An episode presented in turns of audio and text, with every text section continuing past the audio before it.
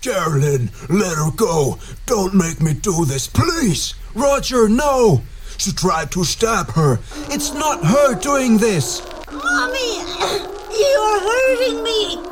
Mom, stop. Carolyn, let her go. Pulling that trigger is exactly what this witch wants you to do. It's another sacrifice. Roger, just lower your gun. Give it to me. No, Carolyn, let her go. Roger, please. Give him the gun. Come on. Give it to Bruce. Don't give her what she wants. You better be right. Grab her arms. My Lord, you are all powerful. You are God. You are our Father. Ecce crucem domine fugite partes adversa. I beg you, Lord, through the intercession and help of the archangels Michael, Raphael, and Gabriel, for the deliverance of our sister who is enslaved by the evil one, imponat extremum partes tolae itus. Sanctissima Vero Actuaristia Super Caput Obsessi Aut Aliter Aegis Corpore Net Amevitur Op Irrevelentia Periculum Fight it, Carolyn. Don't let her take you. Help us. Keep her away! No, Ed. There's a reason she hasn't killed her. Carolyn's still fighting the possession. She can help her. Get her to fight this. Take her feet.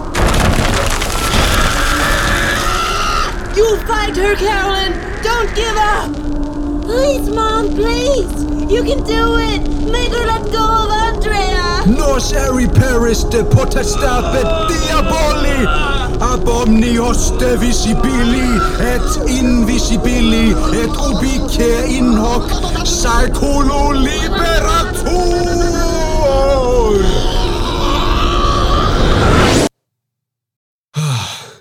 You did good. You two, Still feel like quitting? not just yet.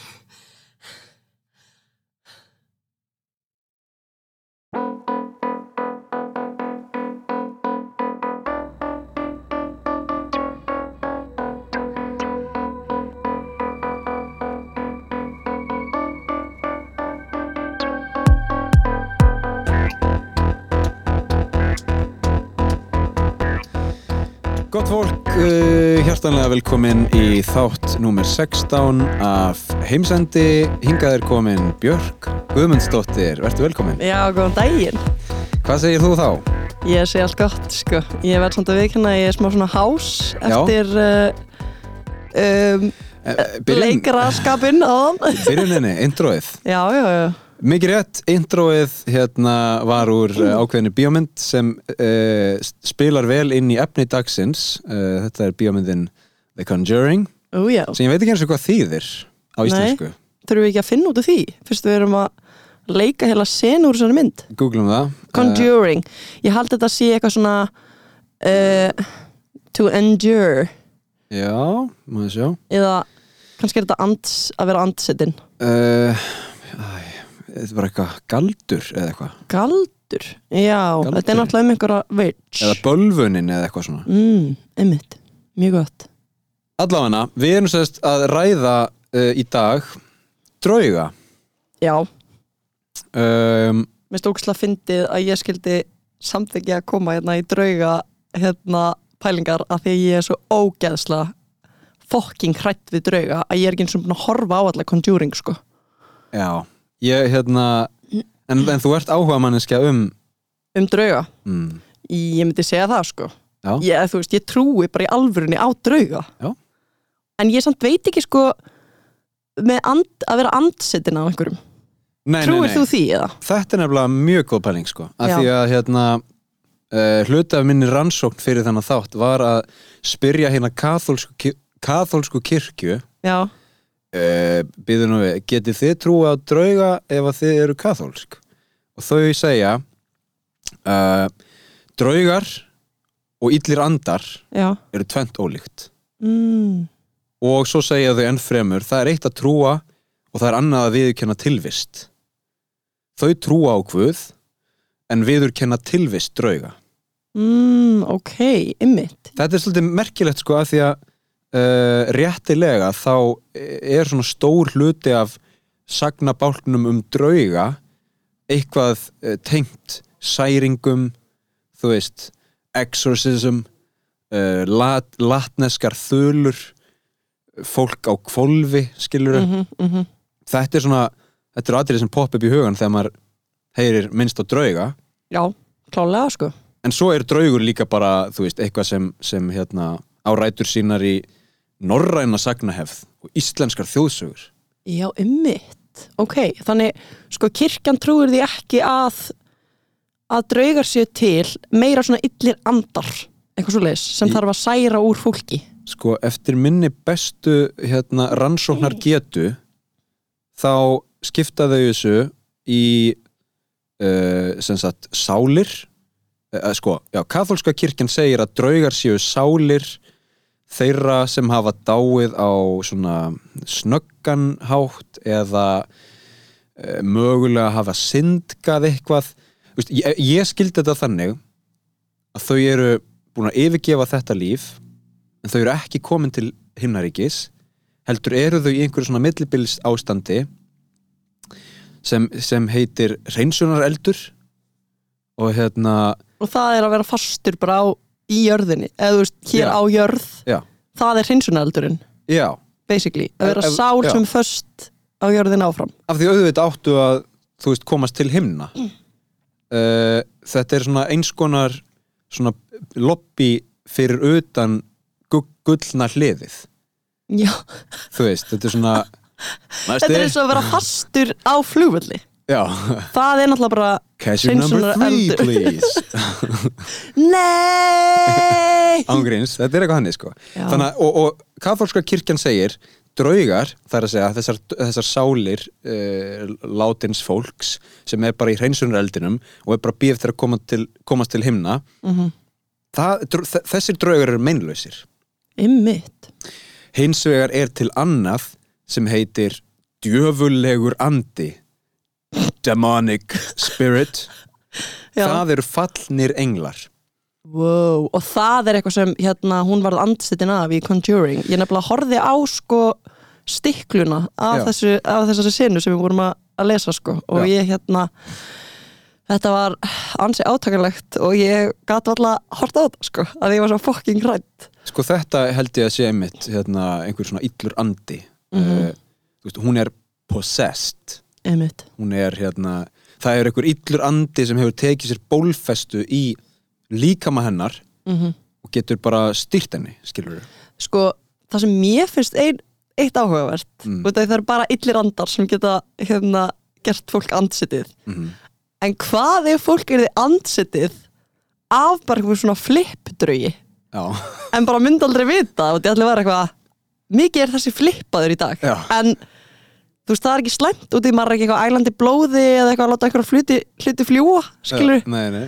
en kathólska kirkjan er náttúrulega væntanlega ekkert að rannsaka þessa flipdrauga ef að Nei. það væri eitthvað þeng það er held ég þeng sko Þa, Já. það er hérna um, sko það eru til nokkrar mismunandi tegundir af draugum þú ert til dæmis með poltergeistin ok, þýst orð poltergeist Poltergeista þetta er sem sagt uh, mín íslenska þýðing á poltergeist er háfaðasegur Já þetta er draugurinn sem er að skilur fleja bókum af hillunni Já þetta er draugurinn sem er að, að skilur kveikja og slökva ljósið mm. þetta er draugurinn sem er að banka á hurðina hjá þér Já, þetta er svona eins og hérna uh, Rekkjalómurinn á vinnustæðnum já, Ah, hérna, Þetta er svona, já, já, já. svona eitthvað, The funny guy Sem, sem hérna setur heftarandinn í hlaup Já, nema fyrir utan að hérna, vera fyndin lengur þá er maður bara fokkin hrættur núna já,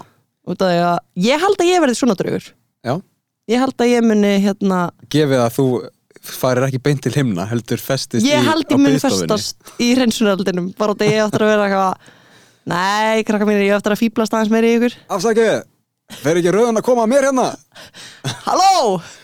Númer hvað ertu?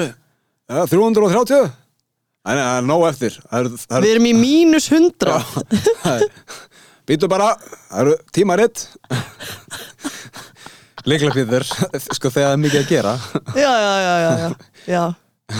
Hann er svona, já, þessi típa Já, Já. En, en hörðu, spólum aftur á byrjunina Sko, þú heitir Björk Guðmund, Guðmundsdóttir Guð, ég byrja bara að tala úkslega mikið okkar Já, við bara bæði uh, Þú ert, hérna, við erum sem sagt fyrirvændi bekkjarsískinni Já, til lengri tíma, kallið minn til lengri tíma til margra ára um, Sko, ég það hefur verið svona, hafi verið svona subplot síðustu þátta umræðan um hvort hitlar eigi sér stað og stund eður eigi eða þú veist, hvort að hérna Já, hvað minnur við? hvort að maður sé bara Stefán Þór uh, listamæður Já, eða þú veist Stefán Þór leikari með verkfræðimentun uh, japansku mælandi, býrstundu til kimchi ágætur að smíða borð, þú veist, allt þetta rugl sko. já, ymmit Já, hvernig ég myndi kynna mig já, og- Einmitt. já. fílar þú titla eða, eða bara svona reg, Mm. reglívar Sko, mér finnst gaman þegar fólk fer svona út í specific Mhm. af því að þá svona, út af við erum alltaf að reyna að tengja við fólk þannig þegar fólk er eitthvað hérna, eitthvað, já, ég er búin að ég er til dæmis búin að læra sálfræði, þá Mm. er fólk úti þannig að hlusta eitthvað, hm ég og Björk eigum eitthvað samvegilegt Einmitt. já, ég, Þannig- ég, meina, ég fíla svona sko. Já, ertu með ef, ef, þú- ef, þú- ef, ef, ég þurfti að presenta mig ef þú hérna yrðir að takmarka þig við sko, þrjár, þrjá Mm. titla Ok Leikona Grínusti Og skýðakona Nei, ég, ég veit það ekki sko Leikona og grínusti, er það Já. ekki bara flott? Mér finnst, jú, eh, hérna, komboðið er mjög gott sko. Þannig að ég myndi aldrei geta sagt Björk Guðumsdóttir sönguna mm, Ég held að ég er þið bara suit Ekki enn, Það væri bara eitthvað ít í 20 ár You're 30 ár. suit, motherfucker Já, uh, ég meina, þú veist Það mun koma að því Já, já Það mun koma að daginn. því, einn daginn maður er nútla maður er nútla maður er Já. nútla maður Já, maður er náttúrulega sko eh, alltaf að æfa sig í jazzsöng já núna en ég myndi nú ekki segja að ég verið söngkona samt jazzari ég er leikona, Grínisti, grínisti og jazzari Slegið sleið, ójá Og velkomin í þáttinn heimsendir Sko, um, þáttur þar sem hérna, umræðu efni dagsins tvinnast saman við hugtækið heimsendir aha, Ertu eitthvað sko, að pæla oft í svona heimsenda sviðsmyndum? Hvað ef? mm, já ég er náttúrulega sko ég hef oft pælt í alls konar sko eins og zombie Mhm. Acropol, nei, hvað heitir þetta? Acrop Acropolis? Ac Acropolis. Necropolis, Acropolis. Acropolis in Greece, baby. Zombie apocalypse Já, sko, út að ég var alltaf að horfa á, en við erum náttúrulega ekki að fara að ræða það í dag, en ég var alltaf að horfa á þannig myndir því ég var krakki og er náttúrulega bara með kvíða eins og flestir listamenn Mhm. og ég var alveg dottin út í, sko, bara hvernig myndi maður lifa af í þessum heimi, sko. Sko þegar kemur að zombie apocalypse Já, Sumir kalla það kvíða, ég kalla það spennu já, út Ég- af því þá sést, sko, hverjir eru klárastir og sniðastir Já, og geta einhvern veginn snúið á zombjana já, skilur, þetta er eins og í hryllingsmyndum þegar maður er eitthvað, ekki var hún í kjallarann emitt en svo gera það allir Já, þetta á hérna uh, tré tröppunni sem er, sem er illa gerð og brotin og já, brotnar. Sko það sem er áhugavert við svona heimsenda sviðsmyndir eins og zombie apocalypse er að sumir ættu jafnvel betur heima í þannig aðstæðum heldur en hinn raunverulega lífi bara manneskjur eða Já, já, já, já. Nú er ég ekki Já. að vísa til mín. nei, Ég hugsa að ég hérna, ég meina ég hefði kannski gaman að því ef, að, ef ég vissi að sko, uh, ef ég vissi að sko, ég myndi ekki deyja, eða þú veist, eitthvað svona. já, ymmit ef þetta væri svona grín zombie heimur Já, e- e- basic grín zombie mynd Tölvuleikur. eða já, eitthvað já, skilur. já, ymmit En, en ég held að sko, eins og nú var til dæmis seria að koma út fyrir tveimur árum eða eitthvað. mm sem ég horfði, horfði á um daginn Alice in Borderland uh, seria frá Tokyo já. er Ma- þetta teiknumynd? Nei, þetta er, hérna, þetta er leikin uh, heimildaserja á Netflix ekki heimildaserja, alls ekki leikin hérna, skálduðserja Eh, á Netflix uh, eitthvað smá byggð á Lísu í Undralandi mm. margt bara mjög fínt við þættina margt bara ekki mjög fínt skilur en heilt yfir fínustu þættir mm þar var einn karakter sem nöyt sín miklu betur í þessu borderland mm. og svona án þess að spoila þá er þetta borderland basically mannlaus Tokyo Ah, allir hverfa oh shit bara Palli var einn í Underlandi nema nú er þetta bara uh, Takeshi var einn í Tokyo Ó, Oh, ok, og hvað er eitthvað, var þetta brottnám af gemverum eða? það er smá útskýrt í þáttunum og ég held að sé önnur seri á leiðinni uh, sem mun líklega útskýra þetta meira en það sem ég fannst áhugavert var sko að þessi karakter plumaði sig ekkit rosalega vel í raumurleikanum Mm. um, en, en leið miklu betur í þessum heimi þar sem sko einhvern veginn allt var mjög dýrslegt og engar reglur voru og þú veist ég menna hann var svolítið svona grúsum karakter skilur en það er áhugaverð pæling að þú veist um, Bara þeir sem er ekki með siðferðisleg mörk yeah, basically ég lifa meina, betur í svona heimi viss, vissulega skilur það er það sem gerist alltaf í þessum zombie hérna, uh, söguheimum mm. að það kom einhverju svona hópar og svo rís upp einhverju skiluru sem þið þykist vera leiðtói hópsins Já, og þá fer þessi hópur bara og bara rænir og röplar og gerir það sem hann vill Já, reyndar þegar þú segir það, þú veist, þá er ég eitthvað jömdalega, við erum ekki ekki góðið að lífi í zombieheimi, en þú veist, alltaf þegar kemur svona sena í svona zombiemyndum, það sem uh, einhver náinn aðstandandi er, er orðin zombie og maður er eitthvað, dreft hann, þetta er ekki lengur maður þinn. þú veist, ég veit ekkert hvort að ég myndi geta bara eitthvað drepið Arnar ef maður er orðin Nei. zombie, skilur en maður svona í alvörinni setur sig í spór karakterina, sko Mitt. já, þá þarf já, maður já. kannski að vera með smá svona uh, maður þarf að vera smá hérna psykopath til þess að geta verið bara eitthvað já, Já, en, svo, Einmitt. en svo er bara spurningin skilur, hversu lengi er maður að detta í þann gýr uh, ef að heimurinn rinnur skilur, mm, ef allt fer í rugglið einmitt uh, já, við erum náttúrulega með hella eðli Mhm. innra með okkur, survival instinct já, já. sem myndi bara kick in, sko Já, já. já, ég meina það er áhugavert sko, ok, zombie heimsendir um, við erum aðeins komin út á sporinu hérna en, Ég, þetta er allt heimsendir Er Já. eitthvað, er eitthvað hérna, er eitthvað annar uh, Er eitthvað annar svona uppáhalds heimsendir? Já. annar uppáhalds heimsendir sko hvað er í búðinu? Já, bara eitthvað svona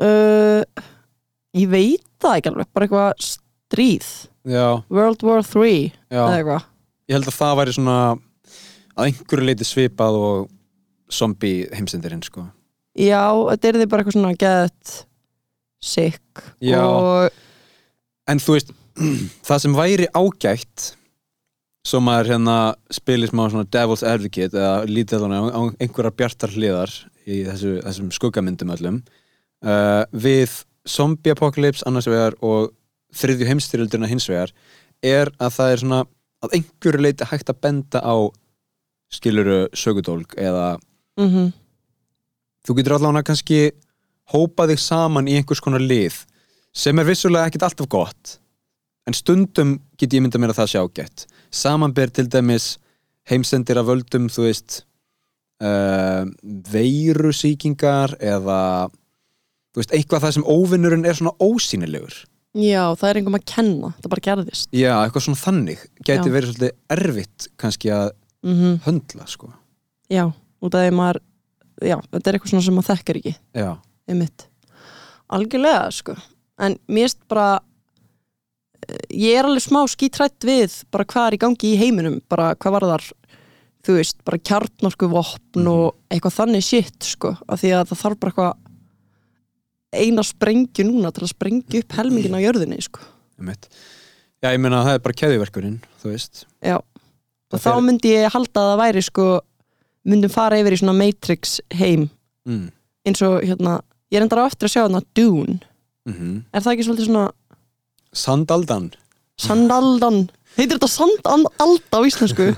Hún, það ætti að heita Sandaldan á íslensku Ég held Oh að my það sé God. þýðingin á djún Af hverju verður allt svona pleppalegt á íslensku? Æjæjæj, Sandaldan Sandaldan uh, Hún er góð, Nei, sko ekki Matrix, æ, ég sorry Ég er að tala um hana Æ, hvað heitir hún myndin hana sem Charles Já, þú Því- ert að tala um hérna Mad Max Mad Max, ég er að tala um hana þú veist, það myndi verða bara eitthvað svona önnu lögumál ef allt myndi bara þurrkast út í einhverju kjarnorkuvopni og eitthvað Potjett, já, aftur Ekki til Matrix. sko. bronsaldar já, Það er bara algjörlega þannig Ég meina, að einhverju leiti væri það frábært Skilur við um, veit ekki með það sko Nei, ég meina, þú veist, ég er ekki að segja að sko kjarnorku styrjöld væri frábær, hún væri náttúrulega hörmuleg, en getur ímyndað þér að búa í Reykjavík og það eru eng, þú veist, það eru engir snjallsímar, skilur þú veist, og við erum bara eitthvað að rækta gulrætur og mm. spjalla saman í kringum, hérna,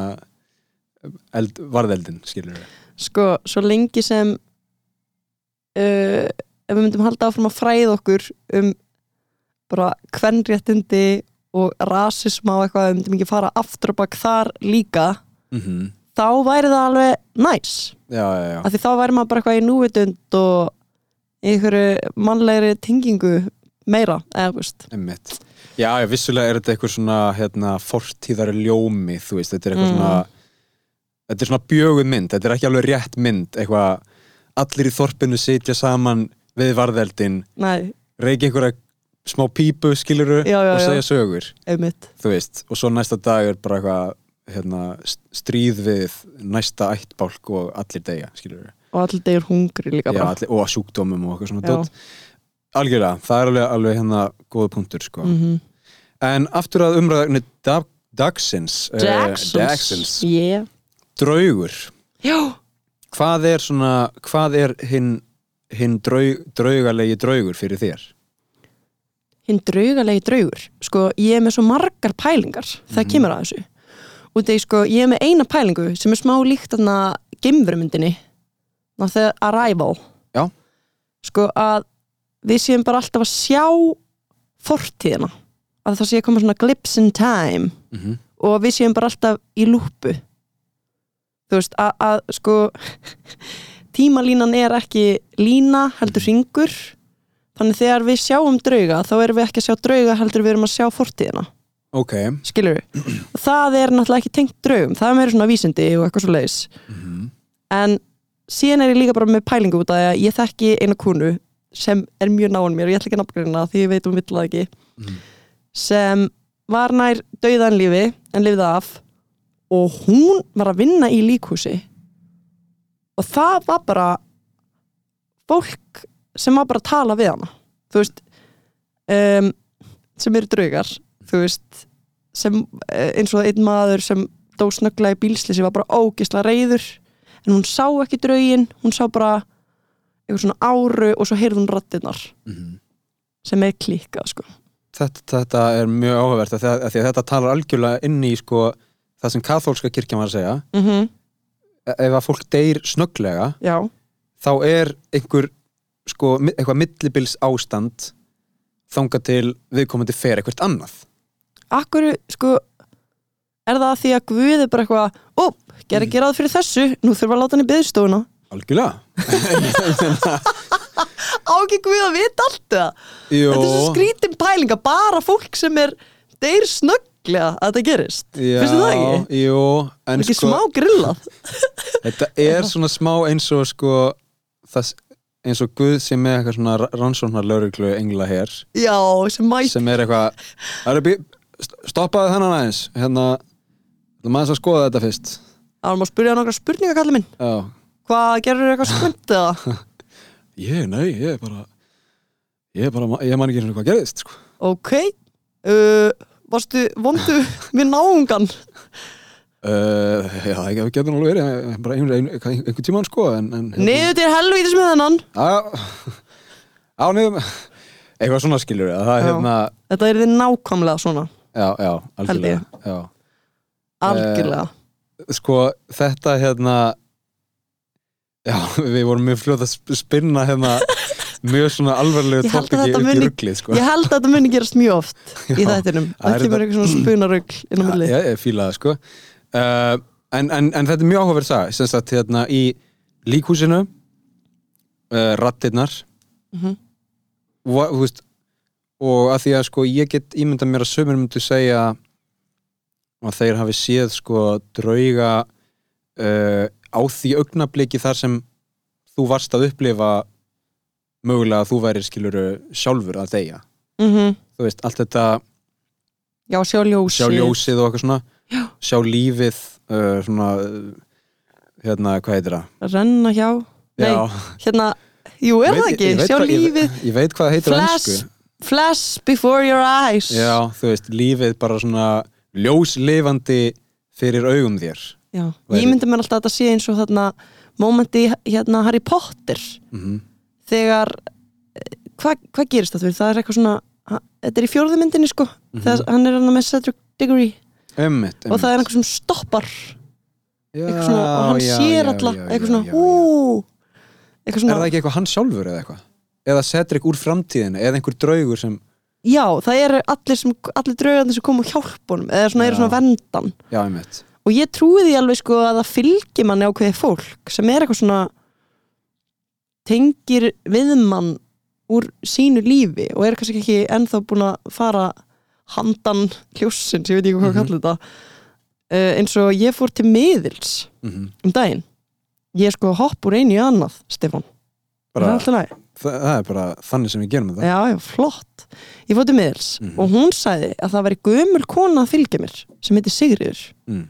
og svo tjekkum við á þessu og, og amma þekkti þessa Sigriði og hún er vist bara ógstlega lík mér og er eitthvað svona með mér og það er áhvert að segja frá því og þær trúa þessu sem vilja að trúa þessu en einu sinni kom ég heim úr skólanum og sko íbúðin á breiðvanginum þar sem ég bjó, þar sem Birnar hún Eiríksdóttir býr núna Já, vinkona mín, svo Shout out. leikona hún býr sem íbúð, ég bjóði Útkall. átjón ár útkall á hana já, og við, nei, tjók, ég ætla ekki að fara að plugga einhverju núna, en hérna uh, ég kom einu svona heim úr skólanum og var eitthvað, fannst eins og það væri einhver þarna, hafið, hefur ekki fundið fyrir þessu, Jó, eitthvað svona, eitthvað svona það er eitthvað einhver Presence, orka, einhver eða eitthvað nærvera. svona. já, og ég heyri bara svona gamla konu hósta inn í herbyggju, ég er eitthvað, hm, er amma í heimsókn kíkja inn í herbyggju og ég fekk mestu gæsaðu lífsmín svo ég er með gæsaðu núna að tala um þetta og bara svona, það var bara svona hræðslu, mesta hræðslu tilfinning sem ég hef fundið kom yfir mig og ég bara hljóp út mm.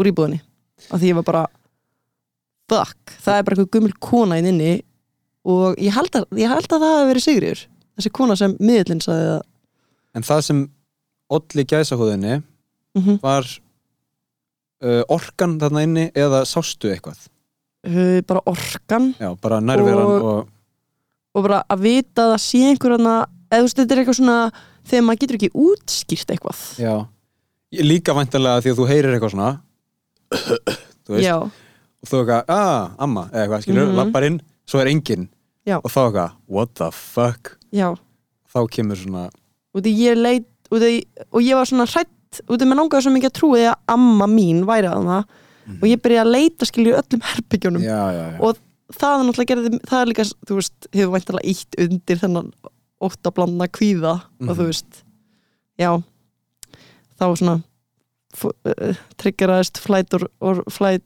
fly, fight or flight hvað Mhm. segir maður á íslensku?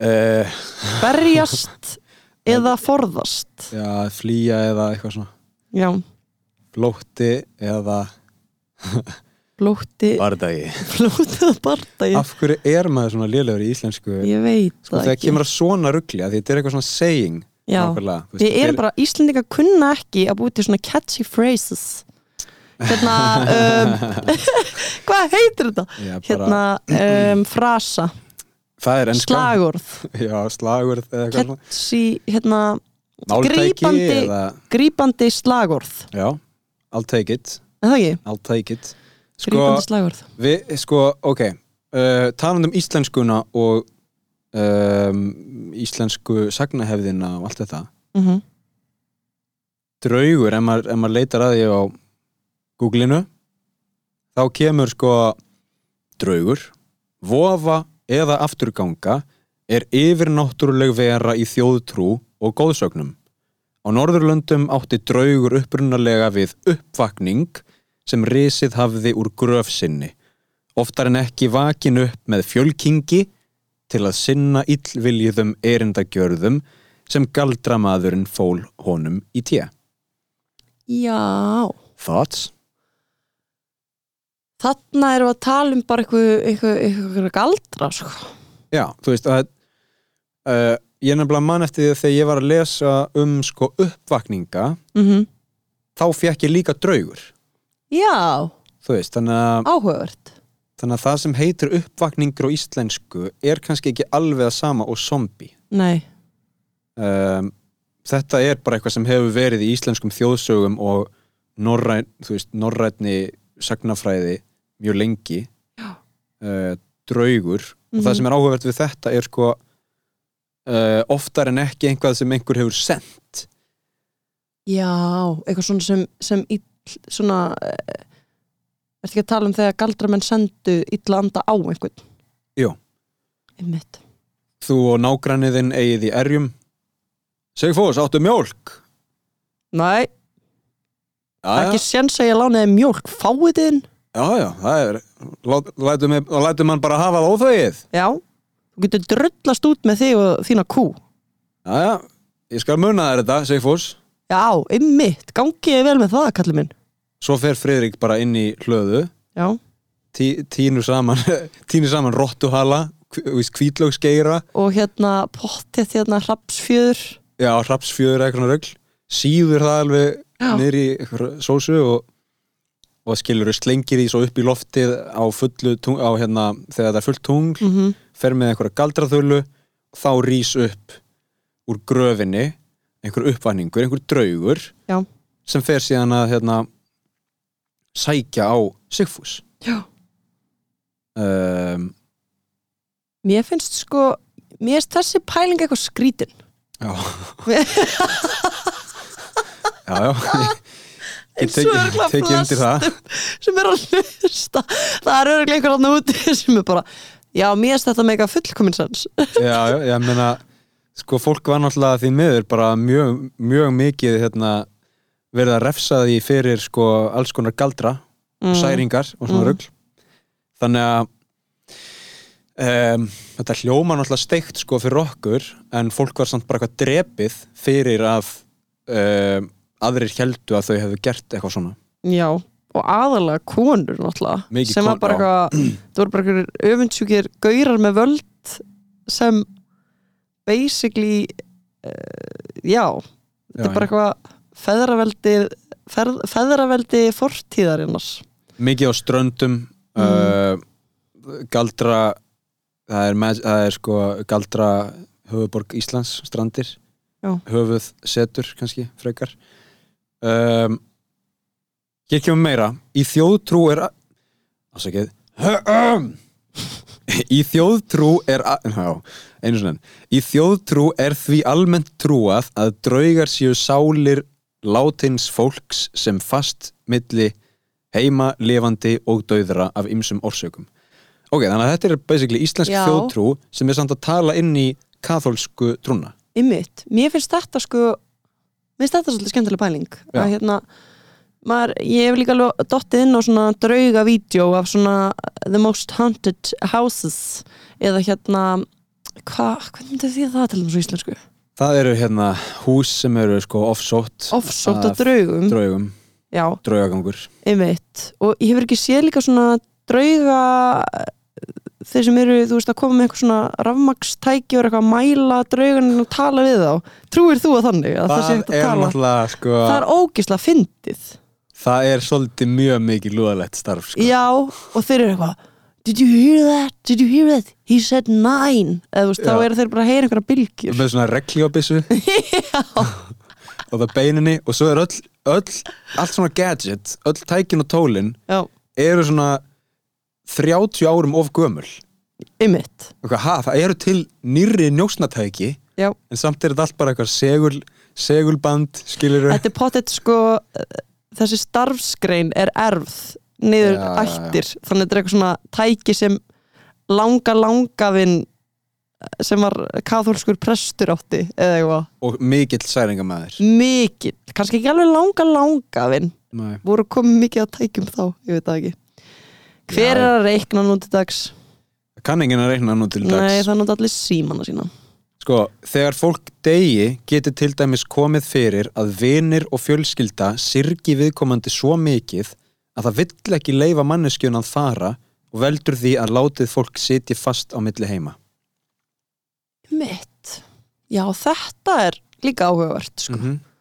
að hérna maður verður að sleppa takinu á fólki svo að það geti farið og sko ef maður hugsa þetta bara eins og bara í lífinu ef að draugurinn er eitthvað heyrir og sér allt sem þú gerir og þú veist maður myndi vera bara á þeim stað að vilja ekki sleppa takinu það lengi að draugurinn er bara eitthvað ægi, mér langar ekki að ég líði svona illa eða eitthvað var þetta ekki góð útskýring á mér Ég held ég átti með á því hvað þú ert að segja sko, eins og miðillinn talaði um að Sigriður væri svolítið að fylgja þér já, en bæði þjóðtrúin og katholska kirkjan segir að þessi millibils ástand mm ég get ímynda mér sko að um, kannski voru einhverju draumar sem Sigriður upplifði ekki sem hún er að upplifði gegnum mig eða eitthvað já, já, já, að því að katholska kirkjan þú veist, svo maður sé að vitna bara endarist í katholsku kirkjuna já, eh, frábær for- stofnun for better or for worse sem sagt, katholsku kirkjan segir sko sem þýðan alltaf, Guð segir um, Guð leifir draugum að valsa um jörðina ef það er tilgangur já, ef þeir hafa eitthvað tilgang þá kannski verða þeir að þessum englum eins og konan sem ég talaði um áðan Mhm. sem sér, láti fólk hún segir alltaf við mig sko, verndar englarnin eru með þér sem ég er sko ógsta skrítið og þetta er svo specific svo sagði miðlinn mm. ótengt þessari konu það er nákvæmlega sama og ég spurði krakkana sem voru þetta geti verið bara ógisla mikið tilviljun og eitthvað sem fólk segir en hún sagði þetta ekki við þau til dæmis Mm. ég fór með bekkisískinu mínum til, til þessara til þessa miðils Mhm. þannig kannski er, er þessi sigriður orðin svona engill Já. með tilgang á jörðinni I don't know Nei, ég meina, ég, ég hef ekki sko gerst svo lánsamur að sjá draug en ég hef lengi staðið í þeirri trú að sko sumir draugar uh, séu ekkert vondir, eða þú veist Nei. ég skil til dæmis hérna ég skil sko að þeir séu miskildir já, ef, ef að draugur til dæmis getur bara haft samskipti í gegnum skiluru kaffibólla, ljós ljós eða Já. kaffibólla eða bók eða eitthvað svona eitthvað hluti, getur kannski ekki talað mm þá hérna fyrst þegar maður verður vitnaði verður maður bara eitthvað, þú veist Það er í gangi hérna Já. Gjáðu þið fram Er ykkur hérna? og hann er bara eitthvað SOS með ljósi að reyna að ná sambandi og því hún leið svo fokking mikið hann er bara Já. eitthvað "Ugh, hvernig kemur rauðan að mér í þessari byðröð sem heitir Seinsunar eldurinn Ég meina e- eins og er ekki hérna, þú veist ég hef ekki séð frægustu eh, ghostmynd allra tíma, Ghost heyrðu ekki ég heldur Ég veit að það er heyrðu, eitthvað við atriði verðum að þar horfa á sem þessa er mynd Leirkrukka í mótin já, Some a little bit of sex, kannski og eitthvað já svona rugl. er ekki líka, hvaða lag er undir?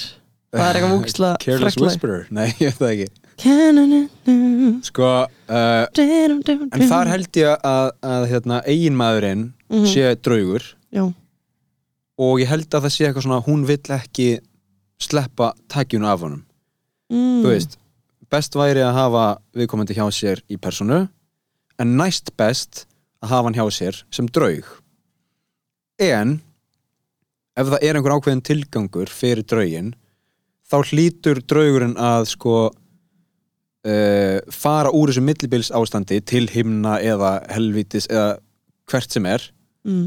eftir að tilgangunum hefur verið náð Já, hann fær svo sett uh, það er uh, gaurinn í hrinsun eldarinn með bara hvað er þú ekki kallar mér góðin hans hvað þú er búin að vera hérna alltaf lengi mm. Mhm. er þau, við vill að þú fáið stuðu hækun Þetta er nú það? Já, við viljum svo sett að þú farir og fylgir þessum þarna dóta niður á jörðinni Markú, hann er, ha, Markúsi? já Markus hann er hérna með DJ feril í gangi Ah. við erum að leiðbinna honum í rétt átt sko, hann á í raunin að vera uh, söngvari Já, já, Ah, og En hvað, ekki- get ég talað við hann? var í gegnum ljóskallið minn gangið þið vel Ah. Já, og svo bara hérna fer hann úr byðrýminu og fær stuðaðækun og, og lendir í bað, efst, á baðherberginu, skilur Já. við hjá Markúsi og Ég held að það væri, það, það væri góða hérna, skýring á því okkur draugar eru oft mjög uh, svona maður verður mjög hrættur í kringum drauga Mhm. maður er oft mjög hrættur við drauga Já. þeir vita ekkert hvað þeir eru að gera skilur. Nei, þeir eru bara uh, ég var lifandi síðan var ég, þú veist, dáin síðan var ég einhver í byðstofu og nú er ég komin aftur og ég get séð í gegnum mig uh, ég get ekki talað en ég get kveikt og slögt að ljósinu, hvað á ég að gera hérna? þeirna? já Heldurðu að sko út af því nú finnst mér mjög áhugavert ég er stundum svona speglar fríka mig út Mhm. Já.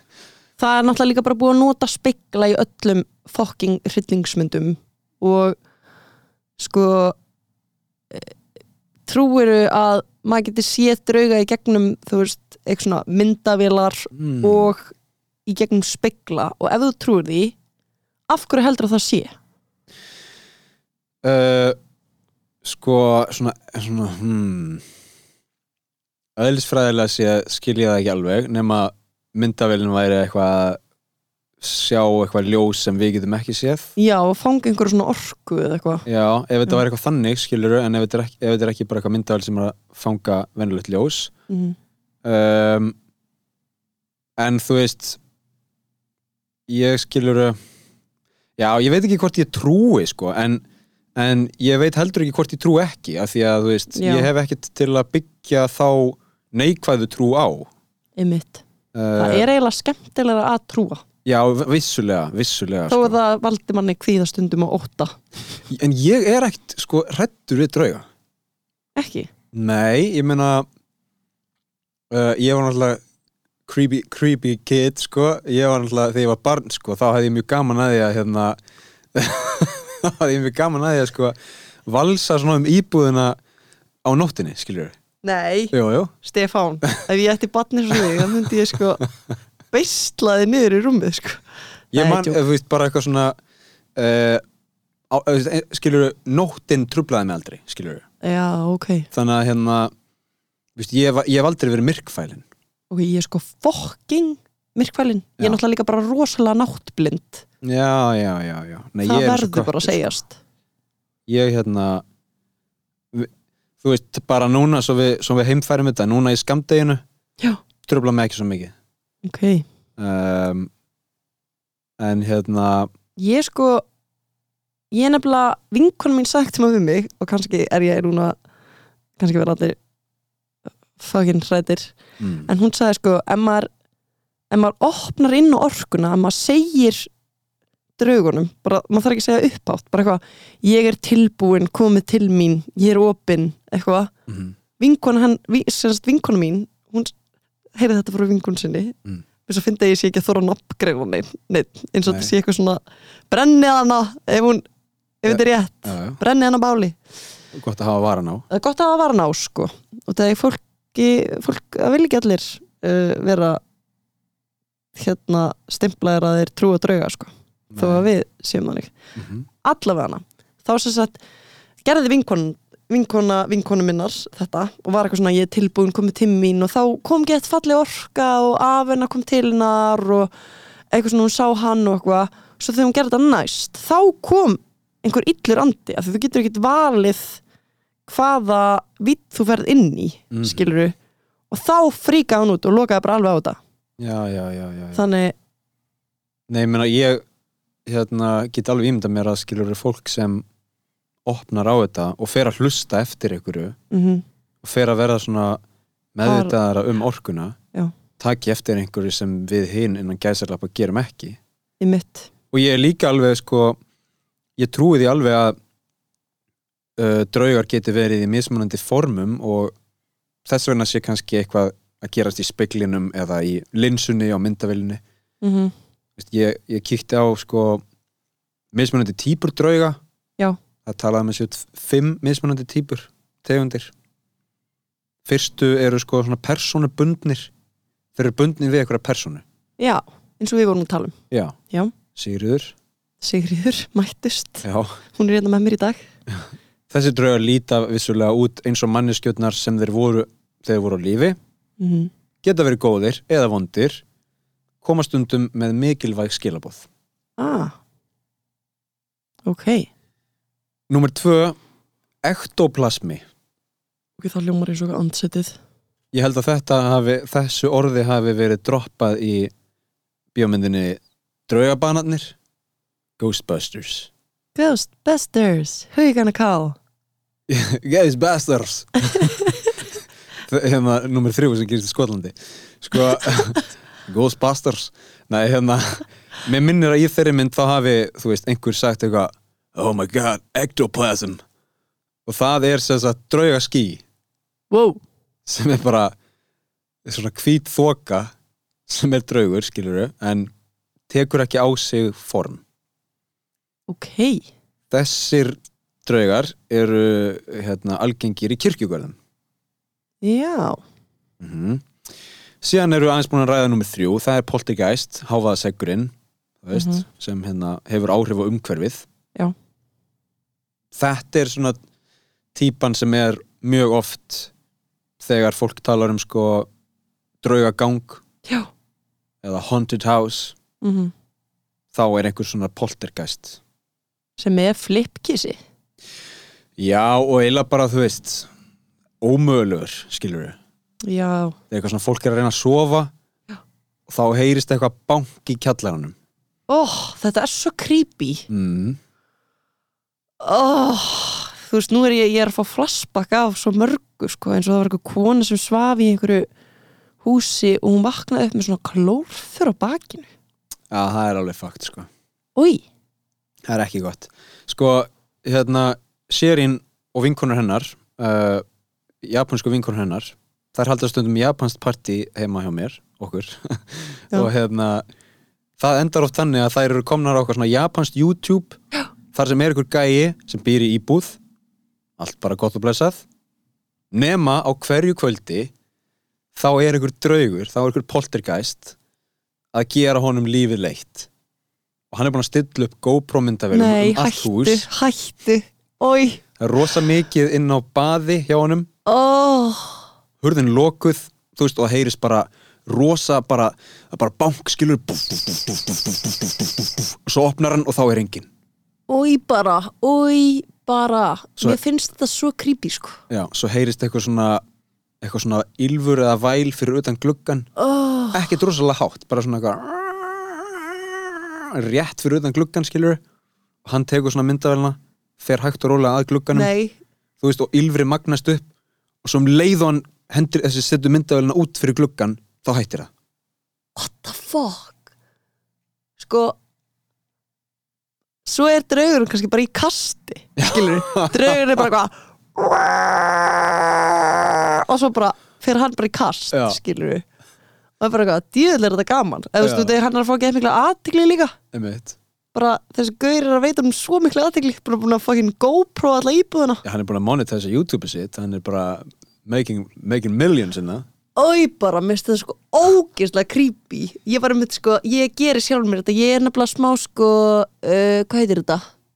Þegar maður er alltaf að uh, pína Masochisti. sjálf sig Masochist, I'm a little masochist, that's who I am Já, þá var ég að horfa á svona öryggismyndavæla sem náði mitt á myndavælana eitthvað svona orku, flæði og það var bara svona, svona lí- oh my god, það getur örugglega bara að youtubea þetta þetta er eitthvað svona uh, eitthvað, ca ca capture captured on footage eitthvað, það var eitthvað svona eh, nágranna varsla og það er bara svona eins og einhver sé að lappa en þetta er samt ekki manneski, þetta er bara svona eins og ský, þetta er svona, já, Mhm. eins og draugaský sem svona fer fram hjá og þetta er svo ógeðslega creepy að ég bara svona, þú veist, þegar ég fæ svona creepy tilfengu, þá fæ- fæ ég bara hó, Já.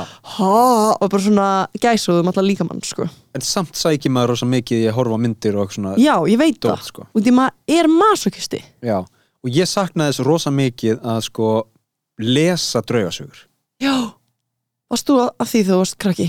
ég var svolítið í þessu Halloween ruglið hana það var svona, það var svona bækur Já, sem hétu Halloween uh, gerðust í bandaríkjunum The Suburbs ég var svo ímyndunveik þegar ég var krakki, ég þurfti ekki einu sinni svona bækur, sko Ég var bara að byrja að ímynda mér, bara on my own Já, svo var eitthvað Já, svo var, bara, svo var íslensk útgáfa af þessu Ég veit ekki hvort það hafi verið hérna uh, Þýtt eða eitthvað Rekkjavöka eða eitthvað svona mm Ég var mjög mikið að lesa eitthvað svona dót og líka bara svona gömlu íslensku garun, garun, þú veist, djáknin og myrka og svona rugl það er líka creepy as fuck sko, já, svo það sé sagt um, og enda bara hérna sögusviðið Ísland já mjög hérna náið okkur sko já og bara hendar vel fyrir draugasögur sko já, um, það var ótrúlegt við tókum náttúrulega í hérna, þætti 6 af þessu podcasti uh,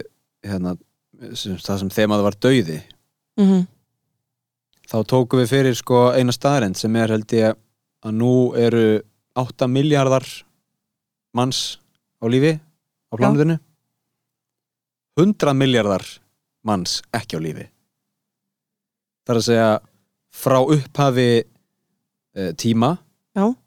hafa 108 miljón homo sapiens fæðst nei ekki miljón, fyrir ekki miljardar Shit, býtu Þeir eru dánir Nei, býtu, Já, það eru 8, sem er, 8 miljardar Já. eru, eru á lífi 100 miljardar hafa dáið ah, svo mikið að draugum svo mikið af draugum og svo mikið af fólki sem hefur dáið en á sama tíma ótrúlegt að núlifandi meðlumir eru bara eitthvað 8% eða þú Einmitt. veist aðeins minna reyndar en Shit, sko. að því að fólk, hérna, fólksfjölgunin hefur verið svo gríðarlega mikil bara síðustu 50 ár já, shit sko. Eh, þannig að þú veist, jável á Íslandi á litla Íslandi þar sem búa bara 400.000 manns mm fullt af fólki sem hefur dáið hérna. þérna Já, og líka bara á brútal átt sko. já, já, já, getur ímyndað þér Hérna, það er ein þjóðsaga mm sem er að það sé einhver maður sem, ég man ekki á hvað heiði það er ég held að sé á leiðin, þegar maður er á leiðin norður já, kannski holdt að vera þið Já, Holtaverði heiði Þar er einhver draugur sem sest upp í bíl með þér emmitt, og þegar ég var í fjarsambandi með núverandi manninu mínum við vorum að gifta okkur saman hei hei, bú bú bú oh, thank you, thank you sir, thank you hérna þá þekki, þá fríkaði ég snum út ég var bara að keira og ég bara fann þennan mann kom upp í bíl og ég sagði upphátt í bílnum eins crazy og ég er ég var bara, getur þú please ekki verið í bílnum mínum núna af því ég var náttúrulega eina að keira og það var kannski Mhm. kvöld og eitthvað að keira fösti þá bara fór þetta já, hvort sem þetta var ég að sannfara kvíðan minn um að þetta væri ekki raukrétt eða þetta var í alvörun draugur og ég held að þetta hafi verið í alvörun draugur sko. ég er nefnilega ég, ég fíla þessa nálgun mjög mikið mm -hmm. ég held að, hérna, að miklu leiti sé, þú veist, draugagangur einhvers konar samskiptaleysi miskilningur já, og þú veist um, kannski bara draugurinn að vilja sko að einhver hérna viðurkenni tilvist sína já, Þú veist, þannig að mér finnst, all, mér finnst alltaf mjög kærkomið í svona sögum og svona bíómyndum þegar einhver segir bara eitthvað, all right, all right hérna er ég mættur já, ég trú á þig eitthvað, þú heitir Bethsheba og Já. þú ert draugur og þú ert til Já. og þá skilur það er oft þannig sem hérna, þú nærði einhvern veginn að særa burt illa andan, mm bara með því að viðurkenna þú veist, já þú ert, að, þú veist, glíma við tráma skilur eða eitthvað svona þú mistir þrýburna í eldi já, þú eitthvað, veist, á þessari lóð já, við ætlum ekki að berjast við þig lengur við bara, við bara hérna, Mm, just let us be Já, við bara vitum af þér, við virðum þig líka, þú veist, og þá getur draugurinn loksins, eða ítli andinn loksins sleppt takinu og farið þá til himna eða eitthvað af því að tilgangurinn, tilganginum hefur verið náð eða eitthvað svona. einmitt, Þannig að já, mér, mér finnst það mjög, ég hrýfst af þeirri nálgun, sko, að já, segja bara góða kvöldi hérna og uh, mér langar að byrja þig að, Að fara. fara. já Um. einmitt, ég, ég noti þetta stundum þegar ég var hrætt Mhm. og þegar ég finn fyrir svona orku sko. en þetta minnir mig á hana myndina sem Nicole Kidman líki The Others, The Others, ég horfði á hana þegar ég var 12 ára og ég fríkaði út segjum tvö. Ói bara, hvað þetta er ógeðsla krýpimynd þegar hérna batnið, akkur er alltaf vera akkur er alltaf vera að nota börn í þetta helviti þegar batni breytist í gamla konu ég Já, what held the ég fuck, myndi æla sko. já, bara, oh my god, Er það ekki, sko, oh, er þetta það er svo ekki- ógeðslegt sko. hún er eitthvað að leita að því Jú, og svo fer er hún upp á eitthvað æðra- na na na na na Já, já, na með já. eitthvað svona fucking brúðu að leika sér og snýr baki í hana Einmitt. og svo svona, hún er í einhver svona brúðarkjól batnið já, já.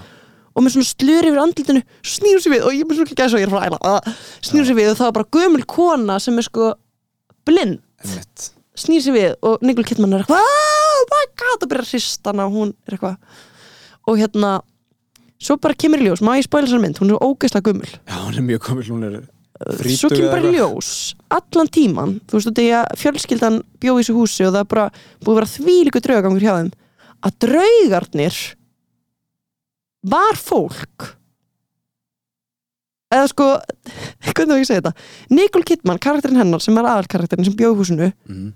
hún var allan tíman draugurinn Mm. á meðan fólkið sem var, sem við heldum sem áttu að vera draugarnir var bara venjulegt fólk Einmitt.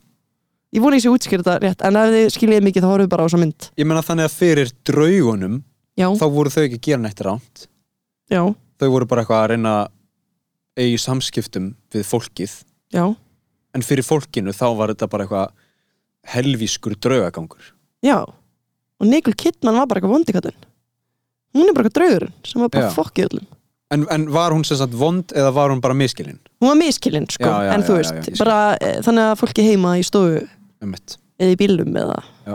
flugvélni um, skilji hvað ég er að tala um já, ég meina, þú veist það, það er hérna það er einmitt sko um, já, það er þá þessi fyrsta te tegund af draugum svona personubundnir já, út af því þau voru greinlega först sko þau voru alltaf að býða eftir að pappin myndi koma já, já, já, já, svo kom hann eða eitthvað, eitthvað svoleiðis að þú veist, þau þurftu að saminast öll sem fjölskylda áður en þau getur farið einmitt inn í ljósið já, það- saman það er þessi tilgangur sko Já. Uh, þetta er bara ráðgáta, þetta er bara verkefni sem þarf að leysa sko Mhm. klára ringin þú Já. veist, complete the circle Já. um, því ég held að flestir draugar vilja ekkit vera eitthvað að ruggla í fólki nei, vilja ekki vera fastir í þessu millibilst ástandi nei, um, ég meina það er svona það er kannski mjög óhugnarleg pæling sko uh, þú veist, að vera fastur í einhverju svona millibils ástandi að eilífu þá viltu kannski frekar bara fá lausn fara til himnaríkis eða fara skiluru eða vera fá stuðahækun já, Sem verndar enginn. engin en sko uh, nei, ég er búin að gleyma því sem ég ætla að segja skettir ekki máli færum okkur yfir í sko nummer fjögur þetta er hérna uh, af þessum fimm tegundum af draugum þá er nummer fjögur eitthvað sem ég þýtti sem ljósbolti ok, það hljómar í svo eitthvað fáranlega skemmtilegt þetta, þetta er algengasta tegundin til að vera fest á filmu já, ég sé svona líklega sál manns eða dýrs að ferðast um wow, getur ferðast mjög hratt það er eins og Pokémon nefnum bara í drauga Já. kúlu já um, ég man ekki eftir sko einhverju dæmi um svona en, en þetta er þú veist, þetta er samt það sem maður er að sjá á þessum myndum oft já, það er svo fyndið sko þessar draugamyndir stundum eru þeir bara eitthvað svona eitthvað frá 1700 eða 1800 eða eitthvað mynda með einhverjum, þú veist, einhverju gamalli konu eða eitthvað já, og svo er svona andlit við hliðin á andlitun hennar já þú veist, eitthvað svona fjölskyldumynd en svo byrtist skiluru eitthvað, lá- látna já, barnið eða eitthvað inn á já, myndinu já, já það er annarkvort þannig, eða eitthvað svona afmælisveisla, svona fjórir vinir sem er allir svona haldutunum axlirnar skilur það, voða gaman Já. svo fyrir aftan einn er eitthvað svona auka andlit Já, oi, sikk Þetta er sikk, sko Já, og þú ert eitthvað, byttu, byttu, byttu, hvað voruð þið mörg á myndinni? Já, við vorum fjögur Ha? Það eru fimm andlit Við, við, við vorum bara fjögur Lítur að vera draugur Þú veist, Já, það er svona hérna, þegar maður átti þessi á því, sko já þetta er fókt upp, sko uh, sko, draugur 1, 2 og 3 personubundin draugur, ektoplasmi, poltergeist og jafnvel fjögur, ljósbolti megar allt freka mikið sens Já, en bara, þú veist Það sem ég skil ekki er að, þú veist, getur verið bara eitthvað svona Ú, nú ætla ég að vera að drauga ský í dag En svo þarf ég að ferðast til Akureyrar og þá breyti ég mér í ljósbolta og fer þangað Nei, ég held nefnilega að því að þe- þetta er ekki tekið frá einhverju svona skál, skáld, þetta er ekki skáldað sko. þetta, þetta er tekið af heimasíðu hjá fólkinu sem er með segulbandið og regljóðabissuna niður í kjallara að hlusta á drauga Já, mér langar svo að hitta svona fólk og þetta starf sem er m- mjög líklega ólaunaf heitir Paranormal Investigator mm. eða sko eh, sem það er svona yfirnáttúrulegt yfirnáttúruleg rannsóknar lörgla Heldurðu að það sé einhver sem starfi við þetta á Íslandi? uh, Nei, ég held það ekki ég held að við séum ekki nót sko, mér langar að segja, ég held að við séum ekki nót trúið til þess ég tengi þetta alltaf við trúað fólk í bandaríkjunum sem er að glíma við sem er kannski búið að kaupa sér gamalt hús Já, og er að glíma við draugagang já, þú heyrir í lauruglunni og lauruglun gerir ekki sétt og þá heyrir kannski í prestinum og hann segir já ég þekki hérna ég þekki einn mann eða þú veist eina konu eða eitthvað skilur Ed og Lorraine þau eru paranormal investigators hérna er númerið þeirra þau eru vist til til dæmis þetta Er það ekki? conjuring, er, Conjure, conjuring. conjuring er að einhverju leiti byggt á sko raunverulegum atbyrðum eða þú veist þannig að ég, ég tengi þetta alltaf við eitthvað svona smá trúað fólk í bandaríkjunum Já, en það væri mjög gaman ef það væri einhver íslendingur sem væri að veistu Við ættum að fara okkur svona námskeið út í bandaríkjunum Mhm. Ég myndi s- þetta er pott bara eitthvað mánuður eða eitthvað Mhm. og koma svo heim og vera bara hérna, hvað sagði þetta hitt á íslensku? er, ha, já, hérna, yfirnáttúrulegir rannsóknarmenn Rannsóknarmenn. Ég er til, ég, ég ekki, ef þú ert til sækjum um styrk hjá hérna, Norðurlandaráði Norðurlandaráði skiluru um, förum í eitthvað svona sa samskandinavíst átak sendum hérna the, the best and the brightest frá Norðurlandunum til Já.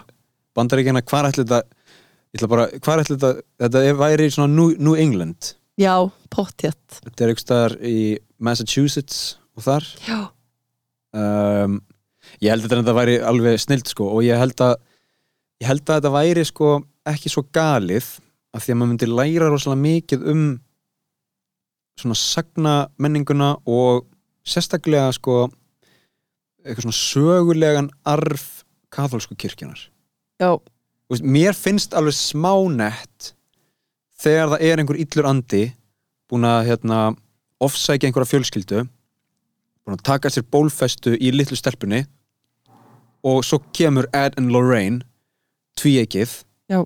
með biblíuna með heilagt Vígða vatnið vigða vatnið með krossin og svo bara dembaðu út úr sér einhverjum latneskum þölum og maður sér draugin bara þú veist bara emja af sársöka og bara þú veist engjast um og og byrjar að fleia hérna húsgögnum í vegginn og svo snýst stelpan við og skrýður í loftinu og eitthvað svona dót Ugh.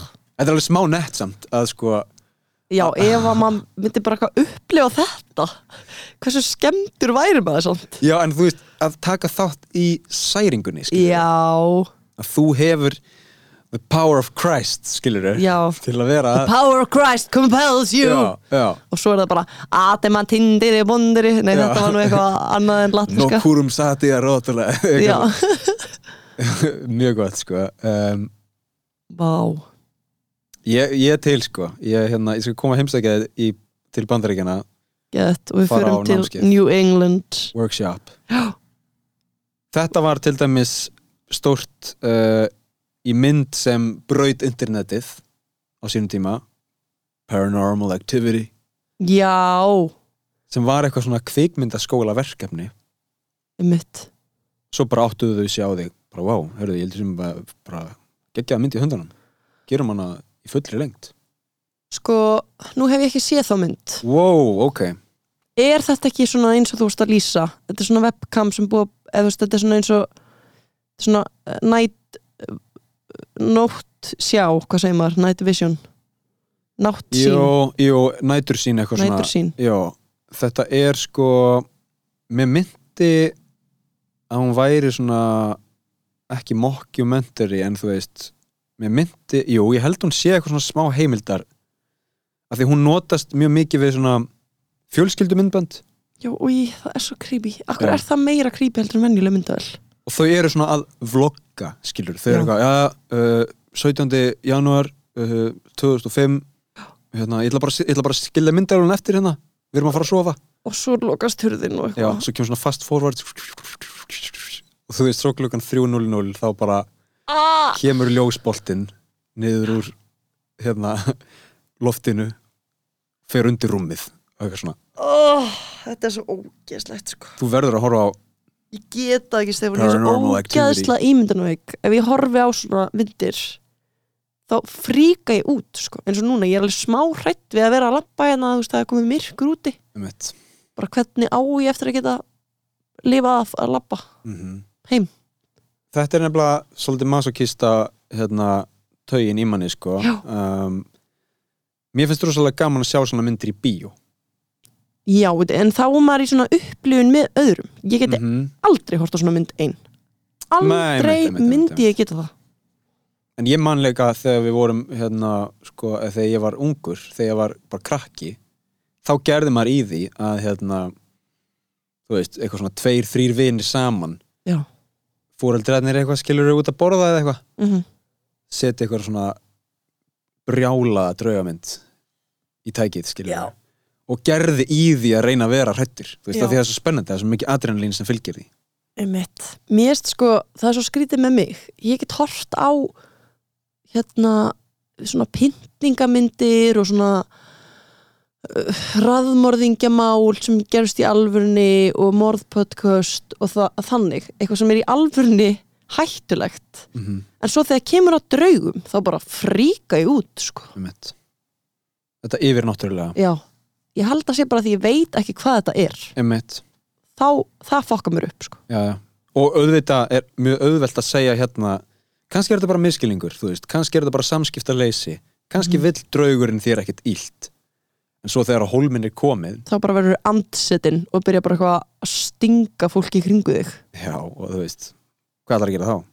Nókulega Uh, sko mér langar alltaf að reyna að tengja umræðefni dagsins við konseptið heimsendir Já, Getur ímyndaði hvernig heimsendir af völdum drauga myndi líti út? oh my god Sko, ef við erum komin aftur inn í kirkju pælingarnar, Mm þá væri það bara eitthvað svona ef Satan myndi mæta bara með her af svona illum öndum Mhm. sem myndi byrja að andsetja fólk -hmm.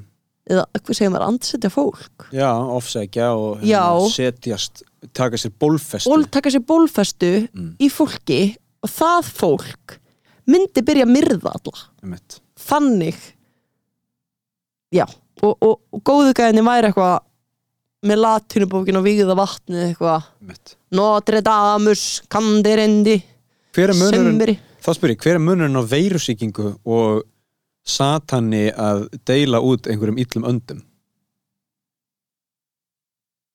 í mitt kannski er zombi bara uppakningur Getur nú við? kannski er zombi bara draugur uppakningur eða sinn Já, já, já, já, drauga já, já, já uppakningur Kanski voru íslensku þjóðsöðnar með þetta all along nákvæmlega, Sko, damn ég meina býttu nú við Nei, sko, hérna ég segi nú bara svona, en þú veist það er áhugavert af því að þá ertu þá ertu mögulega komin aftur með svona ósynlegan óvinn mm. um, af því að það er auðvitað erfitt að sko hópa sér eitthvað í lið á bakvið crossberana Mm Ed og Lorraine já, um, af því ekki eru þau að fara að drepa fólkið sem er andsetið nei, ekki eru þau heldur að fara að drepa Satan það er ekki hægt nei það held ég ekki þannig að þetta er svo erfitt vandamál þú veist, mm. allar að bara framkvæma bara 15.000 særingar til að Einmitt. frelsa fólkið það yrði þá allir að fara í svona bootcamp já, í, í svona skóla eins og Eins við og vorum að við. tala um Mhm. allir sem eru eftir, sem eru ekki andsetnir og þá væri kannski einn, á einn draug þannig að það væri svona private bardagi Já. þú veist já, hverju meinum? til að frelsa fólkið Já, til að frálsa það í burt en myndi maður þá ekki bara myndi Satan þá ekki bara andsetja and, ég er alltaf að segja andsetja já, ég meina, það virkar Æ, alveg whatever myndi hann ekki andsetja nú líður mér svo farlega að segja þetta myndi hann þá ekki bara láta alla verða andsetna já, en hvað myndi Guð gera þá, skilur að því Guð leifir Satan ekki bara að ymmit fokka upp sköpunarverkinu sínu mm. ymmit ég meina Guð, sko Mikael Erkeengill svo það sé sagt, Já. kastaði Satani af himnum, Satan er fallin engill, eins og þessir illu andar ymmit uh, sko fallin engill er svo sterkt hugtak það er rosalega stert þú veist, maður sér þetta fyrir sér þetta er svona þetta er svona þetta er svona, hérna, dólgurinn á skiluru pöpnum sem er hent út já, í mun meira veldi ymmit þú veist, þetta er, þetta er þú er búin að vera að haga þessu fíbl í himnaríki já, þú ert orðin skiluru þú ert orðin corrupt já góði viljiðin er brotin þá er einhverjir erki englar sem eru bæði vegi bara einhverjir svona elitu englar mm risastóra vengi sem kasta þér af himnum og þú átt hangað aldrei afturkvæmt ymmit þetta er algjör útskúfun og Satan hérna uh, tekur það á sig að leiða þá andspyrnur reyfinguna er Satan þó kannski bara góði gæinn?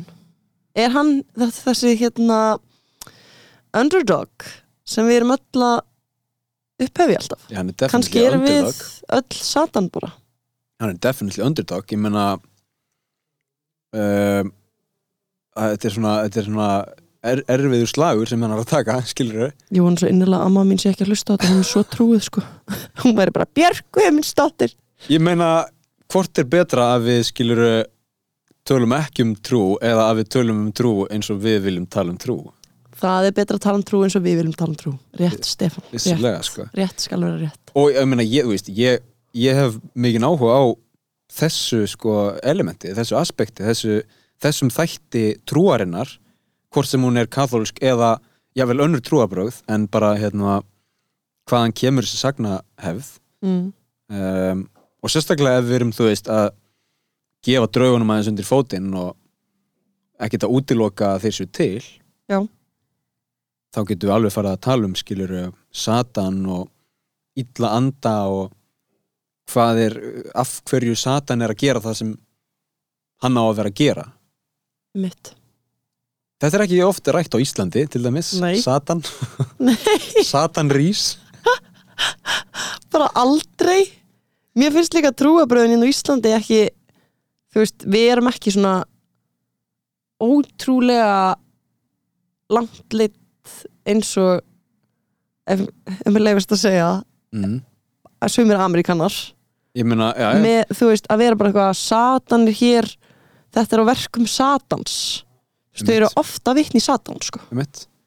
Ég, það er svo mikil hræðsla sko uh, það er bæði guður hræðsla svo er líka hræðsla við freystinguna því að Satan er að reyna að spilla fólki með því að uh, íta að því freystingunni ég mm meina það er oft talað um það skilur ef að Satan myndi ráða ríkjum á jörðinu þá væri þetta allt bara eitt stórt kynsvall og bara, bara hérna, allt myndi leysast upp í óerðir og rugl skilur einmitt algjört svona anarki algjört regluleysi En sko, þegar ég hugsa eitthvað svona, hm, hvort myndi ég vilja vera í himnaríki eða helviti Mm.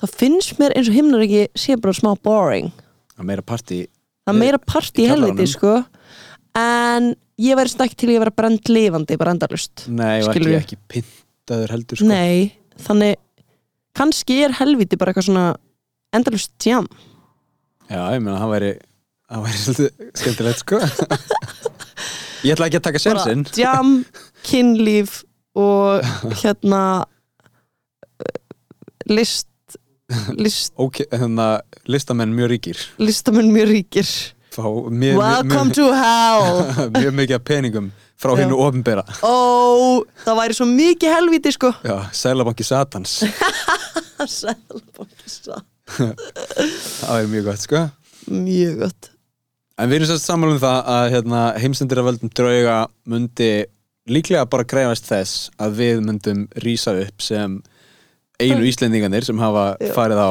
námskið í New England í Massachusetts, særingafræði já og við myndum bara aðeins þurfa að þjálfa þetta lið og veistu, ég heldur sér þetta pizza bara mjög góðri grínmynd já, við ættum að skrifa þetta ertu að tala um svona heimildagrín eða Heimildagrín? skáldgrín? já, nú geta allir stólið þessu þú verður að Já, klippa þetta út, Stefán I, I double dare you Nei, ég meina, þetta er dagstættur þáttur þá bara kæru við viðkomandi Nei, það má ekki ekki fyrir svona það má ekki Við erum ekki múin að þróa þetta ná mikið, við þurfum að gera það En það er sko, rétt. já, gott og vel uh, hérna, Særingar, það er eitthvað sem við þurfum kannski að skoða já, það væri alveg ekki að sko Ein spurning að lokum, uh, fullkomið hérna, 2022 Fullkomi 2022 um, Góð heilsa andleg og líkamleg uh, Nóg af verkefnum Gaman að vera með vinnum sínum uh, COVID búið og friðar og jörð Falleg lokaorð Björk Guðmundsdóttir, þakka þið fyrir komuna Já, takk fyrir Stefán Þór Þorgirsson